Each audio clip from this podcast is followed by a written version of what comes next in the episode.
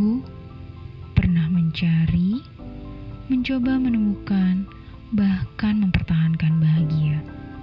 Tapi semua itu berakhir sementara, atau bahkan sia-sia, sampai akhirnya aku menemukan kebahagiaan sejati, kasih Allah kepada manusia.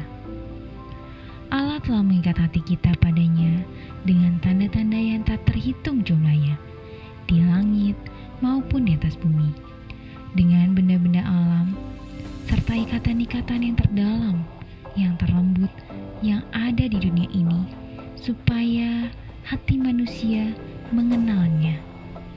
Dia telah berusaha menunjukkan dirinya sendiri kepada kita, namun semuanya itu belumlah mampu menunjukkan kasihnya. Kendati pun semua bukti-bukti ini telah diberikan, setan itu masih saja membuat hati manusia dan pikiran-pikiran manusia dibutakan. Supaya dengan demikian, mereka memandang Allah dengan rasa takut. Mereka menganggapnya kejam tanpa belas kasihan. Setan menuntut manusia supaya menganggap Allah adalah satu oknum yang mempunyai sifat utama, yaitu keadilan yang lalim, di mana seorang hakim yang kejam kasar, sebagai seorang yang berpiutang yang suka memaksa.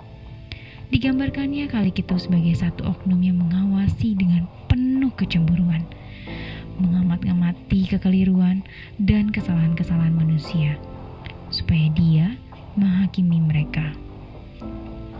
Anak manusia turun dari surga untuk menyatakan Bapa itu. Dalam Yohanes 1 ayat 18, tidak seorang pun yang pernah melihat Allah, tetapi anak tunggal Allah yang ada di dalam Bapa, dialah yang menyatakannya.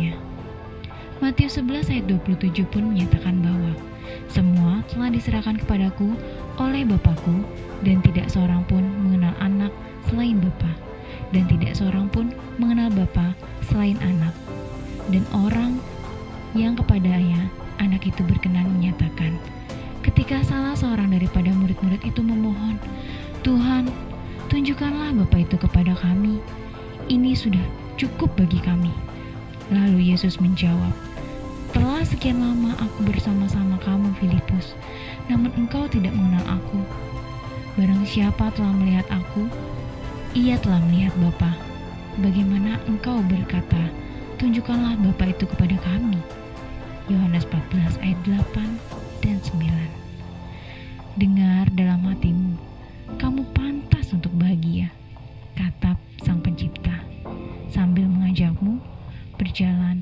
bersamanya.